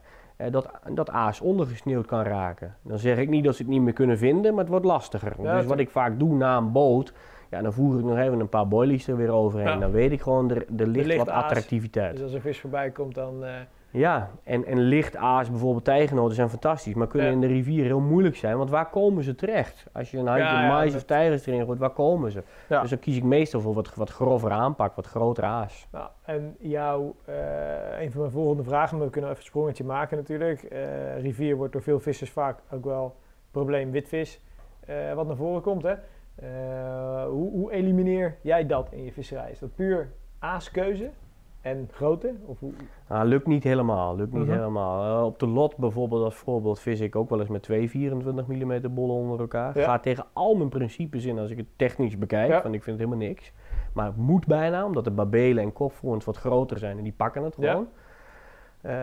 Ik geloof er wel in dat je ehm, moet oppassen met een te grote hoeveelheid particles voeren. Daar heb ik in het begin heel vaak wel de fout ook in gemaakt dat ik eh, die witvis heel erg activeer. Ja. En dat het een soort gewoonte is voor zo'n dier om dan over te schakelen op die boilies. Omdat ze weten, nou dit lukt. Ja. Een iets hardere en grotere boilie elimineert wat. Maar ook ik moet rekening houden met bijvangsten. Ja. eh, meervallen. st- eh, Maar waar heb je dan standaard dat je zegt, joh, die drie of vier hengels die ik vis zijn allemaal minimaal 24 mm? hoe zit Ja, ik ben daar wel een beetje naartoe gegaan. En Ja. ook meer grondaas, dus gewoon liggend bodemaas. Eh, Ja. Waarom? Opvallendheid, die snowman met die fluo of een Mhm. poppen, pak direct die kopvoorn of die babeel. Wordt gewoon Ja. getriggerd als het ware. Ja. Dus ik pak dan toch vaker gewoon een 24 mm boilie. Eh, tegenwoordig bijna standaard met die krimkous eromheen, omdat op die Oh, rivieren ja. overal eh, ongedierte zit. Eh, ja, en dan, dan blijf ik, ben ik redelijk goed aan het vissen. En niet te bang zijn met wat bij durven voeren. Ik Ja. voer best wel redelijk wat, wat, wat bollen erin. Jij zegt, joh, boten, omwoelen, witvis. eh, je, mag, je mag wel voeren, zeg maar. Dat, dat, dat verdwijnt wel. Ja, en, en ook als mensen zeggen, ja, maar ik vind voorvoeren vind ik onzin, snap Ja. ik ook nog. Maar voer dan wel een keer 5 kilo als je met twee of drie hengels vist op de Ja. rivier. En wacht het eens af, want heel vaak loopt hij heel snel af. Hoe lang durf jij jouw montage met krimkous te laten liggen zonder een aanbeet? Zonder dus te twijfelen aan of die montage nog, of die bol nog, nog goed is. Of die niet uit elkaar gepeuzeld is, of die niet kreeft. Hoe, hoe is dat op de rivier? Nou, ik durf het een dag. Ja. Ehm, wanneer ik altijd erg begin. Sorry. wanneer ik erg op begin te letten als ik een paar beuken op mijn top heb gehad. Ja. En ik loop niet door. Of een hengel blijft continu met een top krom staan. Ik zit hier nu heel mooi te wijzen, Ja, dat jullie niet. Maar als je hengel krom staat, dat ik weet, hé, hey, wat is hier aan de hand? Ja. Het lijkt erop dat die hengel vast ligt. Dus dan geef ik hem een uurtje of twee en dan haal ik hem wel opnieuw binnen. Want ik gooi liever een keer opnieuw in, Ja, dan dat ik de hele dag zit te wachten en s'avonds erachter kom dat die hengel vast zit. ja tuurlijk. Dat Dus is, ik, eh, ik, ik varieer daar wat in, maar ik durf prima een nacht te laten liggen. Als ik Ja. weet, nou die engel gaat hier niet zo snel vast liggen, durf ik hem rustig een nacht te laten liggen. eh, met je krimkous, hè, gebruik je dan een, een compleet dichte of eentje met eh, gaatjes erin, waardoor je nog iets van eh, attractiviteit eruit kan laten komen? Wat, wat gebruik je? Het maakt me weinig uit. Ik heb ze Echt? beide. Ja, want ik, ik geloof niet dat het zo heel veel uitmaakt. Ik rep ze niet helemaal om en om, dus Ja. dat ik ze helemaal dicht zet. Ik heb ook wel eens fases gehad dat ik ze dan nog extra ging dippen, omdat ik dacht Ja, ja. dat die, Die Maar ik geloof erin als die vis echt lekker aan het eten is, dan, Dan pakken ze het gewoon. Dan pakken ze hem. En tuurlijk zal eh, zonder krimkous misschien nog iets voorkeur pakken qua Ja. uitlekken, qua attractors. Maar nee, ik heb liever dat, dat ik zeker weet dat een bol eraan zit. En Ja. dat ik een schijf overhoud die aan de zijkant is weggepeuzeld. Maar dat ik nog steeds kans maak om die vis te vangen. Ja. Wat je wel vaak ziet, ligt het langer. Dan heb je ook vaker een babeel of een kop voor. En dat heeft denk ik domweg weer te maken. Het volume van het aas neemt af door grondels, door witvis. En vervolgens pakt die, meer, die, die, die babeel of voor hem makkelijker wel. kunnen opnemen. Ja, ja.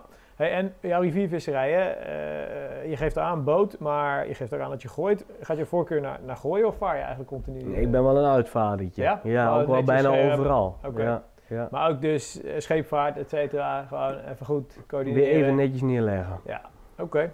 Scherp. Ja, Ehm. zelfs zo extreem dat ik ook op de rivier GPS-punten erbij hou. Dat ik Ja. weet dat het op die vierkante meter beter kan zijn dan op een andere vierkante meter. Dus dan ga ik best tot in detail ga ik, ga ik daarvoor. Hey, en die vis, hè, je had het al even over het gedrag van die vis, maar eh, is jouw ervaring dat eh, die vis eh, onder bepaalde omstandigheden vast te houden is? Of zeg je van nou, er is altijd een bepaalde trekroute ehm, die, die ik standaard erin zie in de visserij? Of hoe, wat is jouw ervaring met... In het voorjaar hou ik ze niet vast. Dat Dan heb ik wel eens gehoopt. Ja. Eh, wat ze wel doen in het voorjaar is groeperen. En als je zo'n groep weet te vinden, Ja, kun je enorme brokken maken. En kun je ook enorm veel voeren, want Mhm. dan blijven ze wel eten. Ja. Maar je moet wel even weten, zit ik in die, die specifieke groep.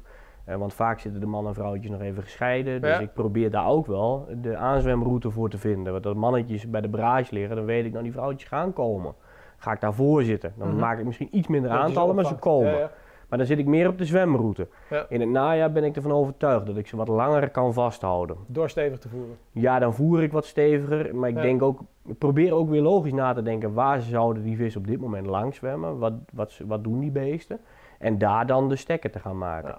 Ik ben nu begonnen, we hebben, er zitten een aantal barrages. Ben ik bij de twee uiterste barrages begonnen. En naar, naar, naar het midden toe vissen als het ware. Om te kijken waar beweegt die vis zich.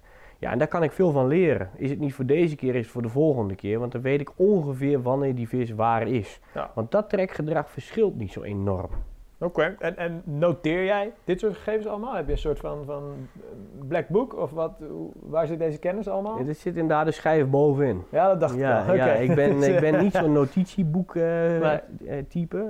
Ik kan je bijna alle vangsten wel bijna terughalen van wanneer en waar en welke stek. Dat En zit die zo in mijn hoofd. omstandigheden die zitten gewoon echt... Ik denk dat het komt door het zieke voorbereiden en het lange Ja. denken en bezig zijn als ik aan het vissen ben. En dan zit het er zo in dat Ja. ik wel weet, nou daar en daar kwam ik toen in juni tegen. ja, en dat, dat herken je weer op het moment dat je in 2019 in juni daar zit. Weet je veel, luister, Dat, is het een beetje. Ehm, Die terugkoppeling, snap ik. Hey, en vanaf welke watertemperaturen is zo'n rivier voor jou wel of niet interessant? Wanneer start jij en wanneer ben je weg? Zeg maar, heb je daar echt een... Ja, het is wel in het voorjaar dat ik het een beetje mijd. Ja. Eh, ik, ik geloof er wel echt in dat het vanaf april echt aantrekkelijk al begint te worden. Mhm. En eh, je kunt natuurlijk in die winterperiode, december, januari, februari, maart, wel een vis vangen. Ja, Maar vanaf april wordt er wat, gebeurt er wat met die beesten. Worden ze actiever, gaan ze wat meer zwemmen. Dus ik, begin april heb ik wel eens heel goed gevangen. ja. Eh, maar vanaf mei, juni, ja, dan wordt het echt interessant. En Dan, wat voor watertemperatuur hebben we het dan over? 15, 16 plus? Ja, dit waar ik nu zit, dat is wat onderheviger aan smeltwater. Ja. Dus dan eh, is het soms eh 14, 15 graden dat er een, een kentering is. Ja, Zit er heel veel verschil ook tussen oppervlakte en eh, wat op de bodem is. Want ja dat daar toch ook nog een soort van springlaag? Ja, nou, ik denk niet dat je zozeer over spronglaag. Ik denk Ja. dat het met name te maken heeft met onderstroom, bovenstroom. Dat de bovenlaag van het water best wel wat warmer al is door de opwarming. Maar wat er vanuit de barrage in wordt gepompt echt fris is. En dat het water gaat vermengen wat verderop in die rivier. En dat Mhm. het water gewoon kouder is, een paar kilometer van de barrage af. Ja. Dat merk je gewoon af en toe. Ehm, ik denk dat het vanaf een graad of 10 echt interessant aan het worden is. 10, 11, dan begint die vis wel wat meer te zwemmen. Maar is het eh, 15, 14, 15 plus, dan wordt het een stuk interessanter. Oké. En daarna stabiliseert het vaak. Hè? Dan zit je toch rond die 20 graden, 18 tot 20, stabiliseert ja, het wat. tussen schommelt. eh Ja. Het in het najaar natuurlijk weer een stuk kouder begint te worden. Ja, en, en we gingen nu volgens mij weg met nog 19 graden. Dus het houdt best wel lang warmte vast. Ja. En ja, ik ben ervan overtuigd dat je op di- op dit soort stukken rivier tot ja, diep in november nog prima vis kunt vis vangen. Ja. Hey, en je spreekt over voeren. Hè? Ehm, eh, wat zijn voor jou hoeveelheden waar je op een rivier zonder nadenken mee uit durft te pakken, zeg maar, als je dan over voeren hebt? Is dat, eh, je geeft aan een 5 kilo. eh, Ja, een kilo of twee per hengel vind ik wel dat je zo wel als vuistregel kunt nemen. Dat je Ja. dat er wel in kunt gooien. En natuurlijk plus je wel eens en je mint ook wel eens wat. Dat ligt ook een beetje aan hoe het voelt op dat Ja. moment. Hoe het, hoe het water erbij ligt. maar je durft, wel, Ehm, je durft aardig stevig eh, ik, te durf storen. wel, ik durf wel redelijk wat te voeren. Ja. Ik, ik weet wel, ik denk wel altijd na, wat erin ligt haal ik er niet meer zo uit. Eh, wat in een rivier echter het geval is. Eh, ik heb wel eens gekeken daarna met een onderwatercamera. Ik heb zo'n ding toegekocht, eh, zo'n Chinees ding aan een kabeltje. Kon je kijken. Nou, dan schrik ik ervan hoe vaak en hoe snel voer weg is. Ook Ja. als je bijvoorbeeld een keer 10 kilo hebt gevoerd. Dan denk je, nou, nou moet er echt nog wel voer liggen. Maar ook dan, eh, Ik denk dat er zoveel wordt weggegeten door kreeften, door witvis, door wat er ook allemaal bezig is met dat haakaas. Eh, ja, dat ik daar echt van schrik. ja, dat onderschat je dan hoeveel je eigenlijk Ja. zou kunnen voeren. Ja, en ik ben ook wel altijd wel een fan van als ik op putjes vis, dat ik nog eens wat boiliekruim gebruik. Eh, nou, we zijn dit jaar begonnen met een serie onderwateropnames. En dan Mhm. schrik ik ervan dat als ik een hand kruim voer, dat Ja. die vorens dat met een kwartier weg hebben. En dan denk ik, hoe kan dit? Dat je ziet ze frenzy, dat is... eh, Dat gaat zo extreem dat je denkt van, ja, maar waar ligt die grens? Ik vind het heel moeilijk om te zeggen, waar ligt de grens van tot zover kan ik voeren? Ja. Want als wij zo'n nacht met 17 vissen hebben, dan gaat er echt veel voer door. Dan is er ook wel, wel 15 of 20 kilo boilies zijn weg. Ja. Nou, en, en ik weet zeker, zou ik de 30 in hebben gegooid, liep die ook ja, nog dan- steeds dan af. gaat ook. Ja, En, en waar ligt daar ook een beetje jouw grens als visser? Maar op een rivier met, met 300, 400 gram per hengel, ja, dat, dat, dat wordt het lastig. Want dan zit je veel, heel veel eigenlijk, denk ik, single hoek beter vissen. ja, natuurlijk, dat gaat te snel. Dus dan... eh, Ja, te veel concurrentie Ja. voor de karper eh, voordat hij bij het aas is. Ja. En het aantal dagen, hè, hoe jij zo'n stek voorbereidt, eh, heeft het zin om, om drie, vier, vijf dagen voor te voeren? Of ben je echt van, joh, twee keer flink en dan moet het, moet het gaan? Heb je, heb je daar een bepaalde theorie over? Ja, ik heb meestal wel een soort schemaatje daar ook voor. Dat ik Mhm. eh, begin met twee dagen, soms drie dagen. Ja, Eh, dat ik hem niet direct afvink, maar dat ik hem wel onderhoud. En onderhouden betekent bijvoorbeeld de helft van het voer wat ik er naar voren heb ingegooid als ik een blank draai. Ja. Dus ik onderhoud hem wel wat, omdat ik denk, die stek is goed. Misschien Ja, is mijn komt- timing Er komt verkeerd. er wel wat af, ja. Dus laat ik het nog twee dagen extra doen en dan zit je op een dag of vier, vijf. En dan ga ik alsnog een keer een nachtje proberen. En vorig najaar hebben we een droomnacht gehad, waar we de eerste nacht maar één vis hadden. De tweede nacht dat we gingen blank. Ja. En nou ja, uiteindelijk Martijn, eh, Kees en ik enorm discussiëren. We vingen goed op een andere stek. Ja. Nee, we gaan, nog- we gaan de laatste nacht op de berenstek. Dat was ons idee. Mhm. En toen vingen we acht vissen en toen hadden we twee dikke vijftigers erbij Ja. van een rivier. Ja, en dan denk je, hoe vet is dat? En dat was alleen denk ik gebeurd doordat we ook netjes onderhouden hebben, terug durven te gaan. En even niet kiezen voor aantallen wat misschien wat kleinere vissen zijn, Ja. maar de stap durven te nemen. Nou, ik ga nog één keer terug, want die Want stek is goed. dat die vis daar... eh, Nou, en, Ja. dan, ge- en dan gebeurt het. Ja, dat is... Ook af en toe een beetje geluk, Ja. maar ik denk ook dat je daar een stukje in kunt afdwingen. Goed bruggetje. Ehm, riviervisserij. Heb je het gevoel dat je daar meer de visserij naar je hand kan zetten dan je openbare visserij? Dus, dus grotere wateren. Hoe, hoe is jouw mening daarover? Hmm, dat is wel een lastige, Jos. Ik vind doorgaans een meer eenvoudiger. Eh, te kraken. Ja, eenvoudiger te snappen ja, van joh, waar zit de vis? Wat En doen? zeker vanaf 100 hectare. Dus eh, bijvoorbeeld, eh, ik vind dan 100 hectare niet heel spannend qua grootte. Dat Mhm. is bij mij vaak in één of twee sessies, dan heb ik het wel redelijk onder controle. Dan Ja. denk ik, nou, dit, dit weet ik nu hoe ik het moet doen. Dat heb ik met de rivier niet gehad. Want ik heb dit stuk rivier ben ik het meest teruggegaan uit al, al mijn wateren die ik in mijn carrière als visser heb doorlopen. Dus, dus het is eigenlijk moeilijker. Ja. Ja. Het is complexer om, eh, om te snappen hoe je nou echt die rivier moet aanpakken. En ik hoor eigenlijk in al jouw antwoorden al dat je ook vaak zelf meegemaakt hebt dat je een bepaalde theorie had die compleet, hoe zeg je dat, van tafel geveegd Ja, wordt, dan kun je het gewoon in, kun je ja, het in het kanaal duwen, Dus zeggen je we denkt dat je het gewoon snapt, maar Ja. dan is het ook weer compleet anders. De omstandigheden Ja. in- op een rivier maken het soms ingewikkelder. en dat, dat- triggert jou dus ook om die visserij Ja, ik vind het dan, ik, ik, ving daar die vis vorig jaar, Ja. eh, daar ging ik er voorheen. Ik wou zo graag een vis van de rivier boven de Ja, ja. 25 kilo hebben. En En daar ze- ben ik gewoon 10, 15 keer voorheen gegaan. En als hij er dan is, ja, dat doet mij veel meer dan zo'n grote vis van een, van een meer. Ja. Snap ik. En, en die, ehm, als je spreekt over de voldoening in gewoon het karpenvissen, hè, die zit natuurlijk in het vangen van zo'n vis. Maar het is voor jou denk ik meer, toch? Ja, ik- het eruit zijn, het avontuur. Waar, wanneer is een sessie geslaagd voor jou? Wanneer ga jij terug met een gevoel van, oké, dit... Ja, ik geloof dat ik visser ben in de eerste plek. Ik vind Ja. alles wat zwemt vind ik interessant eh, om te vangen. Op de meer wel na, helaas. Ja, Die vind ik minder leuk. Maar ik kan, ehm, ja, ik kan me bijna niet bedwingen als ik mooie forens of babelen zie zwemmen om die te willen vangen. En dat is ook een beetje, ja, zoals je het net schetst, ook in, in die visserij. Ik wil Ja. gewoon actie in de taxi hebben en ik wil eh, beet kunnen krijgen. En wat zwemt wil ik vangen. ja, En dat is, eh, dat is een drive. En daarnaast vind ik het natuurlijk fantastisch om buiten te zijn. En om eh, met je vrienden daar te Ja. zitten en dat moment te delen. maar dat En- vangen, dat Het is... is toch wel een beetje dat vangen, ja. Ja. ja. En ik vind het leuk als er een hert voorbij komt. En ik vind het fantastisch als ik een beverrad zie of ik zie een ijsvogel. Ja, vind ik allemaal prachtig. Ik hou van natuur. Dat is bijzaak. Eh, dat, vind ik het, dat maakt het misschien wel compleet. Maar ik ben wel een beetje die jager die die vis ziet en denkt... Fuck, die moet ik vangen. Ja, Ja. snap ik, snap ik. Hey, en hoeveel invloed eh, denk jij dat eh, dressuur heeft op riviervisserij? Is daar echt sprake van dressuur? Maar heb jij dat gemerkt? Eh, of, of denk je dat eigenlijk omstandigheden... Nou, je krijgt het wel op bepaalde stekken. Je hebt bijvoorbeeld stekken die echt onder druk staan. En dan geloof ik erin dat die vis daar meer op de hoede is. Meer Ja. oplet van, en, en gevaren inziet. Maar doorgaans zijn riviervissen best wel in beweging. En moeten ze ook sneller een keuze maken tussen wel en niet vreten. Omdat er domweg Ja, stroming staat ja, of we moeten er zijn. Dus ja, ik denk ja dressuur als er heel veel hengeldruk op zit. En natuurlijk een vis van een kaliber die wat we net schetsen, 20, 25 kilo, die is al eens een paar keer gehaakt in zijn carrière. Dus tuurlijk. natuurlijk zal die iets oplettender zijn. Ja, Maar ik geloof niet dat ik daar high-tech moet vissen om eh, zo'n vis te vangen. Dan Ja. gaat het met name om locatie, goed voorbereiden timing. en een rig hebben die op dat moment werkt. Ja. Eh, dat is, dat is, dat Nou, is dus eigenlijk is jouw conclusie dan dat eh, dressuur op circuitwateren eigenlijk doorgaans veel hoger, moeilijker zijn dan de dressuur die jij meemaakt op Ja. de rivieren waar je Ja, vist. hardnekkiger op Ja. zo'n put. Ja, vooral op een put waar echt veel hengeldruk Ja, is. Ja, dat is totaal veel meer anders. lijnen in het water, veel meer druk op die vis. Je zal mij op de rivier niet snel met een richtje van 10 centimeter zien vissen. Nee. Terwijl je dat op zo'n put misschien wel moet. En eh, daar vis ik gewoon standaard met 25, 30, soms Ja. wel langer. Ja. En dat maakt niet uit.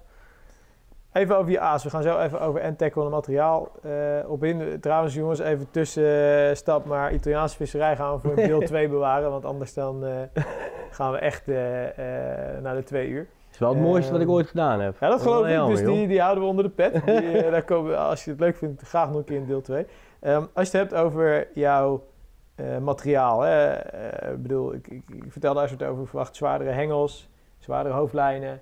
Eh, hoe ziet je en die laatste meter eruit? Kan je daar wat over, over vertellen? Ja, ik heb wel geleerd dat je wat meer eh, stuggere en, en zwaardere hengels moet pakken. Ja. En dat is niet zozeer omdat ik eh, denk dat dat dan beter de vis kan afdrillen, maar het is gewoon domweg. Als ik wel kan werpen, dan kies ik om ook te, kunnen Ja. werpen. En dan heb je het over 3 LB? plus Ja, of drie zo? en een kwart gebruik ik nu. Eh, we, he- we hebben ooit eens een hengel gemaakt, de Extreme River, en die gebruik ik daarvoor. Dat is een, Ja. eh, best wel een pook, maar wel parabolisch. En dat vind ik voor dat riviervissen fantastisch.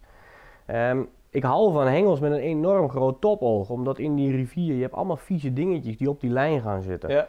En eh, je wil niet dat je aan het drillen bent dat je dat vastdraait in de topoog. Dat kent iedereen wel, Mhm. dat je aan een kanaal zit en denkt, oh nee. En zeker niet als er een bak aan hangt en je hebt stroming. Ja. Dus, dus dat heb ik mezelf wel aangeleerd. Ik moet een hengel kiezen met een groot topoog.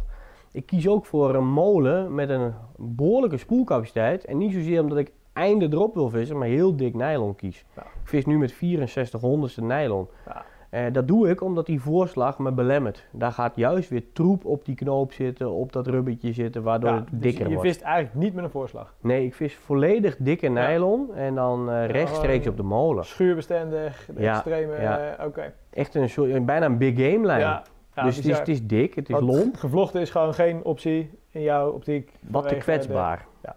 Je hebt een steen, je hebt een mostel ja, en je bent pang. klaar. Ja. En nu heb ik soms die lijn dat de rafels erbij hangen en dan kan ik toch die vis af, eh, afdrillen. Ja, maar 64 honderdste. Wauw. Ja, is stevig. Ja, geloof ik. Oké, en, en je geeft al aan, veel, je vist hem rechtstreeks gewoon op, eh, eh, op, op je laatste meter natuurlijk.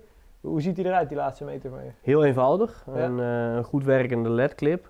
Soms bewust wel loodverlies, dat ik mijn wattel blokkeer omdat ik tussen de stenen lig. Maar doorgaans wil ik gewoon het liefst mijn lood eraan houden, want dat zorgt gewoon voor druk op mijn rig. Daar heb ik, ik heb geen moeite mee dat 300 gram aan een haakje hangt. Dat, eh, dat, Oké. dat, Ja, Eh, een, een nieuw productje hebben we daar ook juist op aangepast. Dat je het loodgewicht blijft behouden, ook gedurende de drill. Want loodverlies, dat moet je volgens mij niet willen enthousiasmeren. Dat is voor Nee. iedereen niet goed. Nee. Eh, als dan naar kijkt, dan heb ik gewoon een ledclipje en een, eh, een goede swivel. Wel altijd een swivel die veel beweging heeft. Dus ik Mhm. heb altijd een ringswivel met een haakje om eh, die richt tijdens de worp goed van mijn lood af te houden. ja. Anti-tangle sleeve, contragewicht en een, een stevige haak. Ik vis Ja. standaard bijna super snack op de rivier. Maat 4, eh, niet eens onbenullig groot. Liner-linertje. Ja, en ik mag altijd graag mijn hair doorknopen op de haaksteel. Ja, Omdat ik dan toch een beetje het gewicht van het haakaas kan gebruiken om die haak beter te laten draaien. oké. Dan En- hoef je niet high-tech shot in de hoeks en toestanden te gebruiken. Want op zo'n rivier wil je niet dat die haak onder een steen gaat liggen. Dus Nee. ik wil gewoon een lange rig hebben met een, gewoon een goede effectieve werking. En dan heb je het over een centimeter of eh, 20 plus? Ja, 20, 25, 25, ehm, eh, soms iets langer. Dat ligt een beetje aan de hardheid van de stroming. Als het Ja. hard stroomt, dan eh, heb ik hem nog iets langer. En ik geloof wel in zwaar contragewicht. Mhm. En dat geloof ik ook in meren. Ik geloof erin dat die rig een beetje op de plek moet blijven. Ja. En als je kijkt hoeveel vissen er in, met jouw haakaas bezig zijn, heb je heel snel dat die rig gestrekt ligt. Mhm. En een gestrekte rig heb je al vaak op de rivier, dus daarom wil ik wat meer lengte hebben. Ja. Want die gestrekte rig heeft een van één kant benaderde kant is gewoon eh, nadeliger. Mhm. Want dan heeft die rig gewoon minder ruimte om in te haken. Ja, Ja, die inhaking die verslechtert natuurlijk. dus, Ja. dus dan heb ik liever een wat zwaarder gewichtje. Dan mag rustig 1,6, 1,8 gram zijn op een centimeter of 5 van mijn linerliner. Die dat Mhm. stukje van de hakende werking, nou ja, in mijn beleving wat, wat verbetert. versneld. Ja, Ja, ja. oké. En, en ehm, je vist dan haakmaat 4. Flinke bocht om, om gewoon goed vlees te pakken natuurlijk. Omdat je toch wel gas wil geven bij de drillen, denk ik. Ja, en je soms moet, hè, omdat Ja. die vissen toch vastzwemmen op een of andere manier. Er liggen heel veel stronken En rotzooi en ongelooflijk Ja. sterk zijn. Eh, en die super snackhaak, ja, daar zeg ik wel eens, dan kun je een auto met het water halen. Die is heel dikdradig en daar kun je echt veel druk op zetten. Ja. Ja, en dat, ja ik, ook collega's van mij die graag naar Rainbow gaan, die bestellen die haken, omdat ze dan zoveel druk kunnen Ja, zetten en weinig schade achterlaten. Ja. Die draad van die haak is zo dicht en dik, eh, dat dat ervoor zorgt eh, dat die, die wond in die mond minder snel uit gaat lubberen en groter Mhm. wordt. Wat je bijvoorbeeld wel met ja, haken kunt hebben met een rechte punt, wat Ja. dunne kwadraat, die gaan lopen, die gaan Ja. snijden. Ja. Nou, dat moet je voorkomen. En, en heb jij, ehm, als, je, als je kijkt naar je onderlijnmateriaal, hè, eh, centimeter 25, eh, heb je daar bepaalde voorkeuren? Pak je gewoon een, een, een soepele, eh, of, of hoe Toch je- wel veel ehm, een, een gestript materiaal, dus, maar wel altijd, het is bij, bij mij nooit helemaal stijf. Ik vis nooit met, eh, met echt stijf Mhm. onderlijnmateriaal, het is altijd een beetje semi, dus het is wel wat soepeler. Maar dat coated is gewoon lekker met laten zakken op diep water, is Ja. lekker met gooien. Dus daar kies ik dan toch iets eerder voor en in 35 pons. Ja, dus gewoon wel echt. Ja, ja, en dan zet ik dat loodje bewust op het gekoten stuk nog. Ja. Want dat stukje wat soepel wordt, dat is vaak weer zo soepel dat het sneller ja, in, in, in de, in Ja. de tengel raakt. Dus dan probeer ik dat juist op dat stukje gekoot te houden. En je geeft al aan, je vis met gemiddeld met 300 gram.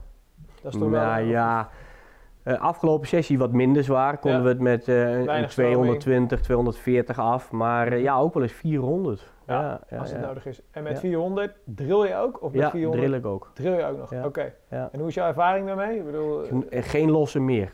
nee? Nee, nee, nee, nee. Dus waar je eigenlijk heel vaak jongens hoort van joh, boven de 200 eh, heeft het een negatieve werking op, op, op uiteindelijk je drill. Ja, misschien als je 10 centimeter... Als je een korte rig eh, hebt, wordt het anders hè? Ja, maar jij merkt met 25 centimeter, 300, 400 gram. En zeker als jij de LED-clips gebruikt met zo'n soort controlsysteem, Ja. Ja. dan maakt het niet zoveel uit, joh. Dan Ja. kan het lood toch bewegen. We hebben langere rigs, andere haken. Je hebt je montage afgestemd op Ja, hoe je op dat moment aan het vissen bent. Ja, En, en wat ik zei, ja, zit ik echt bij een barrage tussen de stenen, ja, dan wil ik het lood gelijk kwijt. Ja.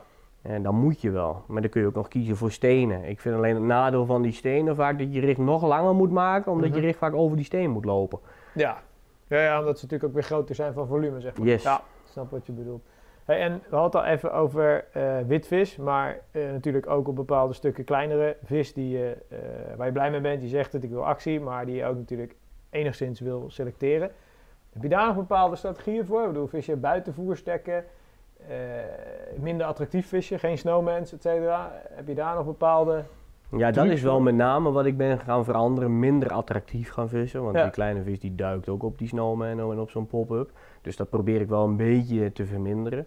Eh, wat ik wel merk is bijvoorbeeld één hengel is wat zwaarder voeren. Ja. Eén hengel wat verder buiten die voerstek leggen. Eh, ook wel eens met een single op een aangevoerde stek gaan vissen. Dus dat is ook wel eens een, een techniek Ja. die werkt. Vooral als het wat taai is. En ik denk, nou het voer moet weg zijn, maar ik ga toch even kijken. Eh, dat zijn dingen die, ik- die ik wel eens probeer. Maar ik geloof er niet zo in dubbel HK's of drie dubbel Dat je echt HK's. kan selecteren. Nee, Maar- is, is lastig. Ik, Ja. ik probeer altijd te onders, een beetje te begrijpen wat voor type groep vissen zit ik op dit moment in te vissen. ja. En je kunt wel een beetje aannemen, bij barrages is het vaak iets meer kleine vis, omdat er meer actie in de taxi Ja. is, dan op een, op een bijvoorbeeld zo'n bochtstek. Zo'n diepe bochtstek, daar komt toch vaak zo'n dikke unit wel een keer doorheen. En dan in het najaar vooral. Ja, dat zijn dan momenten dat ik denk, nee, ik ga nu even de actie aan de kant zetten. Ik heb een paar lekkere runs gehad. Ik ga nu proberen nog voor zo'n beer. ja, En dat buiten de voerstek, dat werkt wel eens. Maar ik vind het moeilijker op de rivier, omdat je te veel meer te maken hebt met in- en uitzwemmen. Ja. En dat is op een meer vaak succesvoller. En hoe zorg je ervoor, ehm, als je kijkt naar dus je, je, natuurlijk je vis zwaar lood, daarmee eh, voorkom je natuurlijk dat die rig echt gaat wandelen. Tenminste, dat die hele montage gaat wandelen. Maar die rig zal altijd een bepaalde deining hebben, toch? Eh, door uiteindelijk zuigkracht van boten, stroming, et cetera.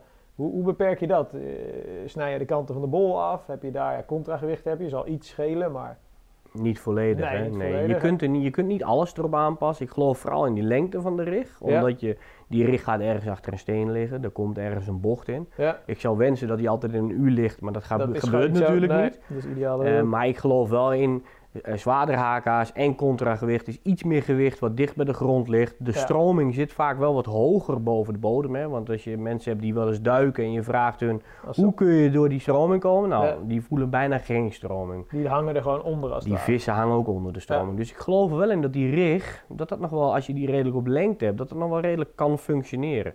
Maar ja, we hebben wel, als je met de stroming meevist, zal die rig eerder in de lengterichting richting van de stroom dan andersom natuurlijk. Ja. Dus daar moet je rekening mee houden. Dus dat wil ik vooral ondervangen door de lengte niet te kort te maken. Ja, Ja, en wat ik zei, wat zwaarder. Ja, ja.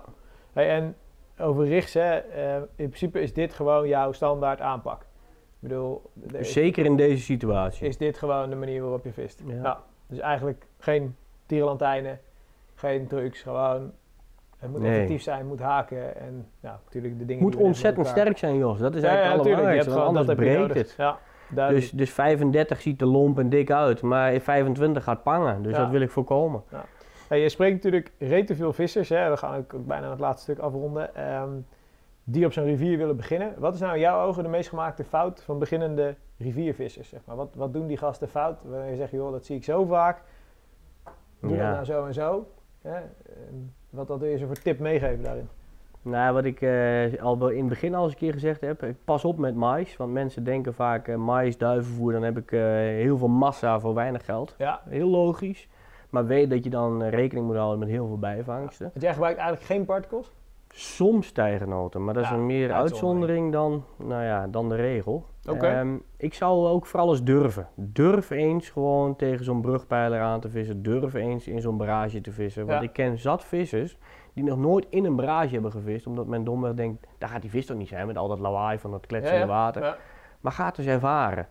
Eh, dat denk ik vooral dat dat een, een tip is. En of je het fout doet of goed doet, ik denk niet dat ik daarover hoef te Nee, oordelen. gaat. Maar ik denk gewoon probeer eens wat. En, en, en durf eens aan te nemen dat ik niet zeg van dan voer me 2 kilo per omdat je dan lekker veel bollen bij me koopt. Mhm. Nee, dat doe ik omdat ik weet dat je dan een betere kans maakt op Ja. vis. En welke bol, al maak je hem zelf of al koop je een goedkoop ding, boeit me niet. Maar Nee. ik weet dat dat een betere kans geeft op een vangst. Zorg ervoor dat er voer ligt. Ja, Ja.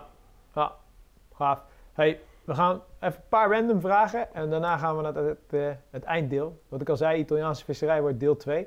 Ehm, wat is een aankoop van jou afgelopen seizoenen die echt een meerwaarde is in je visserij?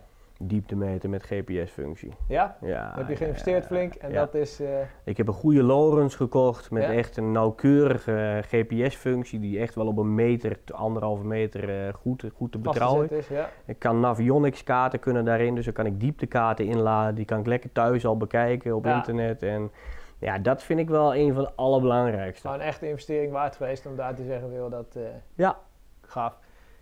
Wat is jouw eh, tip, concreet? Ik hoef niet jouw, jouw hotspot, jouw beste stekker, maar stel je voor, start in de riviervissen, wil naar Frankrijk. Wat is een gebied waar jij ooit een keer je dingen hebt gedaan, nu niks meer doet en zegt van, joh, ga daar gewoon eens experimenteren. Wat, wat- de Saône is de meest fantastische rivier om Ja. eens te beginnen. En niet bang zijn dat er alleen maar kleine schub zwemmen, daar zwemmen fantastische vissen. De Moselle begint ook best wel weer interessant te worden, maar is veel strenger met nachtvissen. ja, En de Saône heb je best wel grote nachtviszones, goed te vinden ook op internet. Daar hoef je helemaal niet heel ingewikkeld voor te doen. Mhm. Waar je echt goed je ding kan doen en kan genieten. En, En gewoon goede kans op vis. Ja, en vergeet al die kleintjes niet waar we langs rijden. Marne, Seine, allemaal Jonne. vis. Het zijn Ja, allemaal fantastische rivieren. Ja, ja, dat hoor je vaker, dat het toch vergeten stukjes zijn. We rijden er allemaal zo makkelijk voorbij. er, eh, als je het gaat uitzoeken, dat er vaak gewoon hele interessante bestanden Ja, zitten. ja, we, we weten allemaal hoe goed als de Belgische Maas is. Daar zien we Ja. allemaal de bakken voorbij. Maar ik kom bijna nooit iemand tegen aan de Franse Maas. Ja, terwijl het eigenlijk... Nou, Ja. je hoeft niet zorgen te maken Nee, dat er nee. geen grote vis Nee, zijn. maar gelijk. durven wij het aan of willen we altijd een... Ja, de maatschappij is een beetje van ik wil ergens zitten waar ik zeker van weet dat ik dit en dit Ja, en dit kan verwachten, kan goed, vangen. eh, en, goed zit. Nou, en dat is soms juist leuk om het niet te weten. Nou, hey, wat zijn jouw ambities op visgebied voor 2019? Nou, leren omgaan met een kleine, dat is sowieso Ja. iets. En ik ben bezig met een heel groot meer, een nieuw water, eh, waar ik heel graag eh, aan de slag ga. Ja. Ik heb eh, deze zomer Italië voor mezelf even afgesloten. Heb ik heel veel jaren nu geweest en ik wil nu weer eens wat nieuws. Oké. En ehm, ja, dat wordt weer helemaal van voren af aan beginnen. En, eh, maar eens Maar een kijken hoe dat we... specifiek doel qua vangsten of vissen? Of Weinig gewoon- bekend, Ja, eh, extreem groot. Eh, ik denk best wel lastig qua omstandigheden met wind en toestanden. ja. Maar wel iets wat mij, eh, ja, ik geloof dat me dat uitdaagt om, om daar door te zetten. Ja. Ja, en ik ga terug naar de rivier eh, waar ik weer geweest ben. Eh, dat is dan een stuk van de Rhône. Waarom? Omdat ik niet klaar ben. Nee. En ik geloof niet, eh, als je me over vijf jaar zou vragen, denk ik nog steeds dat ik dan niet klaar ben. Ja, Ja, en ik wil toch ook wel een Nederlandse bak vangen op het stuk waar ik nu vis. Ik geloof dat het volgend jaar moet kunnen. dat zijn de ambities. Dan wil ik eigenlijk wel heel graag een, eh, ja, een goede vis vangen. Hey, en speelt Duitsland nog een rol in jouw visserij? Omdat je natuurlijk oostelijk niet heel ver weg bent. Ehm, nee, eigenlijk niet zo. Nee, nee. Ik ben eh, Duitsland, eh tuurlijk, door een vriend Klaus Weekman heb ik een paar keer er mogen vissen. Vind ik het leuk. Maar de Duitse visserij is ook wel eh, bijzonder. Het zijn vaak niet te al te grote wateren, best wel zware hengeldruk Ja, eh, en dun bezet. ja is voor jou op dit Eh, moment niet iets waar... Ik ben, ik, en dan ook weer die actie in de taxi, dat Ja. vind ik zo leuk. Ja, en daar moet ik niet heen gaan om weken en dan één vis te vangen. Dat, dat- daar word ik een beetje ding. ongelukkig van. Alright. Pieter, we gaan afronden. Laatste stukje is, zijn wat tegenstellingen, wat vragen. Even op gevoel, niet te diplomatiek. Je mag gewoon lekker vanuit het hart antwoorden. Ehm, alleen of met vismaat? Vismaat, Zoet of vismeel? beide. 10 of 12 voet? 12, Een ronde boksen tegen Koen Koops of Saron Debets? Koen Koops. Kijk. Saron is, eh Die is die Braz- Brazilian Jiu-Jitsu. Ja, ja is een Sharon killer, is een soort Bruce Lee. Ja, dus, eh, dat- en die dat, is ook eh, eh, die is niet, die is niet zo snel moe. Oké. Die Koops, die dikke, die snel ja, moe. ronde boksen tegen Koen Koops, lekker. VVD of PVV? VVD. Een onbekende rivierschub van 19 kilo of een bekende 25 kilo spiegel van een circuitput? Ja, ga ik voor die 19 kilo. Het Randstad of het, ja, ik heb geschreven Hoge Noorden, maar het is Hoge Noordoosten voor jou meer, hè? Zeker waar ik nu ben. Hoor. Ja? Ja, ja, ja. ja, Kijk, ja, Elburg. Verschil maken met aas of verschil maken met rigs? Aas. Een nacht met 10 vissen tot 15 kilo of twee 20-plussers? 22-plussers. Oeh, spreekt een beetje tegen wat je net, maar toch wel die, die gewichten? Struinen of bodemvisserij? Bodemvisserij. Een Volvo of een Audi? Oei. Oei. Audi, Audi. Ja, ik dacht dat je nog een Volvo reed nog steeds. Ja, Oké, ja rij ik ah, ook, ja, ja, rij je ik ook, plannen. rij ik. Maar A6 zou wel een droom zijn. Ja? Ja. Dat, dus die staat eh, op het verlanglijstje. Nooit meer in Nederland of nooit meer in het buitenland vissen? Nooit meer Nederland. Run om run of eigen hengels pakken? Run om run. Trump of Poetin? Ja, dan moet ik toch voor die gekke blonde Trump gaan. Ja, Trumpje? Ja. Oké. Video editen of artikelen schrijven? Video editen. En de laatste is natuurlijk hele mooie. Pilar of Hofman? Pilaar. Pilar, kijk. Dankjewel eh Pieter voor deze eh, uitgebreide podcast. We zitten inmiddels al op een uur en twintig minuten. Ehm, ik wil jou vragen, heb jij nog een afsluitende boodschap wat je luisteraars wil meegeven? Iets?